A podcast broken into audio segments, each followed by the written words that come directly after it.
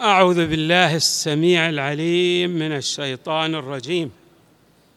بسم الله الرحمن الرحيم والحمد لله رب العالمين. والصلاة والسلام على أشرف الخلق سيدنا ونبينا محمد وآله أجمعين الطيبين الطاهرين. قال الله تعالى في القرآن الكريم ولا تمش في الأرض مرحا إن الله لا يحب كل مختال فخور. صدق الله العلي العظيم. من أهم المبادئ التي ركزت عليها الرسالات السماوية جمعاء العبودية لله تبارك وتعالى. ويترتب على العبودية لله استشعار العبد هذه الحقيقة أمام العظمة المطلقة للحق تبارك وتعالى. بمعنى أن لا يرى العبد لنفسه وجودا في قبال وجود الله وأن يرى كل ما لديه وعنده من الله تبارك وتعالى. طبقا لقوله تعالى وما بكم من نعمه فمن الله. إذن حقيقة العبودية لله أن لا يرى الإنسان لنفسه وجودا في قبال وجود الحق تبارك وتعالى. وأساس الذنوب كما هو وارد في الروايات أن يرى الإنسان وجودا لنفسه في قبال وجود الحق تبارك وتعالى. وهذا الذنب هو ذنب الكبرياء والاستكبار على الله تبارك وتعالى وعلى الخلق. والإنسان يسقط من عين الله وتنزل درجته في الإنسانية. بسبب رؤيته لنفسه. وكلما استشعر العبد حقيقة العبودية لله كلما ازداد تواضعا تواضعا لله وتواضعا للخلق بمعنى أنه يتعامل مع سائر الخلق دون أن يرى لنفسه مرتبة أعلى من هؤلاء الخلق. وقد جسد هذا المعنى من العبودية الأنبياء والرسل والأئمة من أهل البيت عليهم السلام والصالحون من العباد عبر التاريخ. لا نرى صالحا يشمخ بأنفه على الخلق ويرى أن الخلق لا قيمة لهم. أمامه بل بالعكس تراه يتواضع أمام غيره ويحترم مقدرا غيره ويعود السبب كما أشرنا إلى استشعار العبودية لله تبارك وتعالى. إمامنا الرضا الذي نعيش مناسبة ميلاده كان الإمام عليه السلام قد برز أمام الخلق بشكل بين وجلي وواضح لا يرتاب أحد في علمه الكل يذعن إليه في مراتبه العلمية ويكفينا من مراتبه العلمية أنه كان يكلم أصحاب اللغات بلغاتهم كل شخص يأتي من شرق الأرض أو غربها ويتحدث بلغة الإمام يتحدث وإياه بتلك اللغة التي يتحدث بها طلقا ذلقا. وهذا دليل على إمامته عليه السلام. من أين تعلم الإمام الرضا هذه اللغات المتعددة؟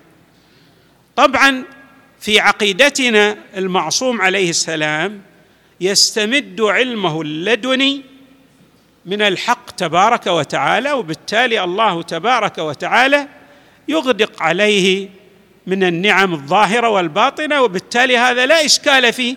وقد صرح به القرآن ليس فقط وحسب في لغات البشر بل بين أن هؤلاء الأنبياء الذين يتصلون به أيضا يحيطون بلغات الحيوان. الحيوانات يتكلمون يتكلم مرة مع الهدهد وأخرى مع النملة وثالثة ورابعة وهكذا. اذا هؤلاء النبي صلى الله عليه وآله تكلم مع الحيوانات كما ورد عندنا في الروايات. هؤلاء لا يحيطون فقط بلغات البشر وإنما أيضا يحيطون بلغات عالم الحيوان ويعود ذلك إلى كمالهم المطلق من ناحية عالم الإمكان وإلى اتصالهم الوثيق بالحق تبارك وتعالى وإلى عبوديتهم المطلقة لله فلا يرون لوجودهم وجودا في قبال وجود الحق تبارك وتعالى. في هذه المناسبة مناسبة ميلاد إمامنا الرضا عليه السلام نتعلم هذا الدرس العملي من تواضع الإمام الجم. في الحقيقة يعني نطلق كلمة تواضع لأنه ما عندنا مصطلح آخر وإلا الإمام أصلا هو الذي يجسد العبودية المطلقة للحق. يعني كلمة تواضع في حق المعصوم هي قليلة جدا. هذا التواضع يعني إن الإنسان يعني آه لا ينظر لنفسه ولكن في حقيقة الإمام الإمام ما ينقطع طرفة عين عن وجود عن نظره إلى الحق تبارك وتعالى. وجوده يتصل بوجود الله في كل آنات حياته. ولهذا بعض الصالحين عندما يتوسل بإمامنا أمير المؤمنين عليه السلام يقول هكذا اللهم إني أسألك بروح علي بن أبي طالب عليه السلام الذي لم يشرك بك طرفة عين إلا قضيت لي حاجتي. اذا الإمام في عقيدتنا لا ينقطع عن الحق طرفة عين. وجوده يتصل بوجود الحق في كل آنات حياته. نرجع إلى إمامنا الرضا عليه السلام. في سفره إلى خراسان دعا يوما بمائدة فجمع عليها سائر الناس. طبعا الناس لهم طبقات. وكان الإمام طبعا له خدمة يعني خدمة تشريفية نسميها في اصطلاحنا الحديث في آي بي من الدولة لأن المأمون كان يستدعي لولاية العهد فله خدمة كبيرة جدا. فعندما جمع هؤلاء الناس من الطبقة العادية وأكل معهم بعض هؤلاء الذين لهم اتصال بحاشية المأمون أنف من ذلك. يعني قال للإمام كان بإمكانك أن تعزل هؤلاء على سفرة وأن تأكل مع علية القوم على حدة. يعني لماذا تأكل مع هؤلاء الطبقة الأدنى؟ لاحظوا إجابة الإمام عليه السلام. قال له مه إن الرب تبارك وتعالى واحد والأم واحدة والأب واحد والجزاء بالأعمال. إحنا الآن ممكن أن نقول ذلك في الألفاظ ولكن في الواقع العملي يصعب على الإنسان أن يطبق ذلك خصوصا إذا كان من أهل الثراء في الناحية المالية أو له وجاهة كبيرة من الناحية الاجتماعية. يأنف من ذلك أن يأكل مع سائر الناس أو من الطبقة العادية. لكن الإمام مع مرتبته التي لا تقاس بأحد لأنه كما جاء في الرواية لا يقاس بنا آل محمد أحد.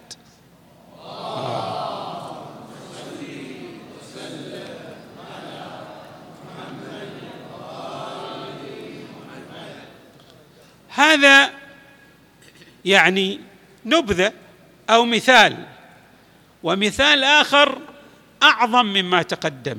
الإمام تعرفون في الآونة السابقة يعني خصوصا في بعض البلدان يمكن إحنا ما لحقنا عليها في بلدنا هذا ولكن في البلدان المجاورة كانت إلى وقت قريب ما في حمامات خاصة في البيوت حمامات فقط الحمامات العامة.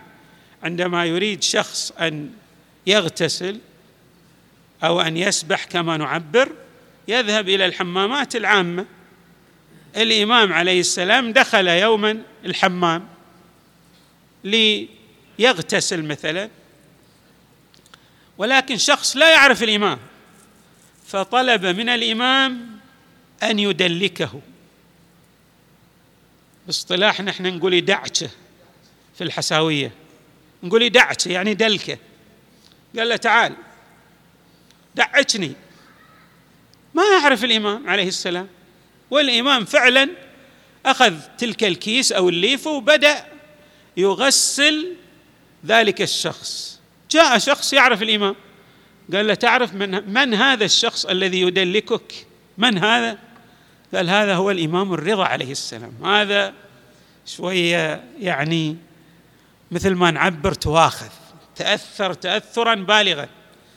لكن لننظر ماذا فعل الإمام عليه السلام. الإمام عليه السلام لما كان ذلك الشخص يعتذر منه استمر في تدليكه. استمر ما انقطع.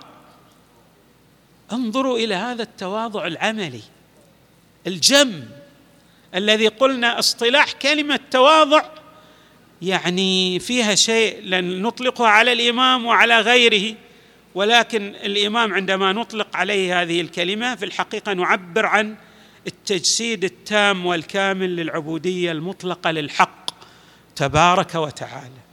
هكذا كان يفعل الأئمة من أهل البيت عليهم السلام الذين هم المثال الواضح لعبودية للعبودية المطلقة للحق تبارك وتعالى. ولهذا كانوا همزة الوصل التي من خلالها إذا أراد العبد أن يتصل بالله ما عليه إلا أن يرتبط بهؤلاء العظماء الذين اختارهم الله واجتباهم وأن يعمل صالحا. وقد أشار الإمام رضا عليه السلام إلى هذين الأمرين. إلى أن من أراد أن يتبوأ المكان الساميه والرتبة العالية والشأن الكبير عليه أن يتصل بأهل البيت عليهم السلام وأن يكون من العباد الصالحين. يقول إمامنا الرضا عليه السلام لا تدعوا العمل الصالح والاجتهاد في العبادة اتكالا على حب آل محمد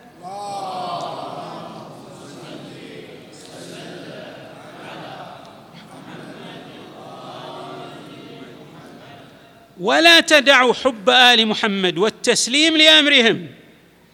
ضعوا بين قوسين في أذهانكم. والتسليم لأمرهم. التسليم لأهل البيت. لأنهم هم همزة الوصل كما عبرنا بين الحق والخلق. والتسليم لأمرهم اتكالا على العبادة. فإن فإنه لا يقبل أحدهما دون الآخر. يعني ما يقول واحد أنا أحب أهل البيت دون أن يعمل صالحا دون أن يكون من المتقين. عليك بتقوى الله والعمل الصالح والمحبة لأهل البيت والتسليم والإذعان لهم فيما يأمرون عندئذ تنال شفاعتهم في الآخرة وتنال الرضوان الإلهي في العالمين عالمي الشهادة والغيب. نسأل الله تعالى أن يجعلنا مع إمامنا الرضا عليه السلام ومع آبائه البررة الميامين وأبنائه المعصومين صلوات الله وسلامه عليهم أجمعين. والحمد لله رب العالمين وصلى الله وسلم وزاد وبارك على سيدنا ونبينا محمد وآله أجمعين الطيبين الطاهرين.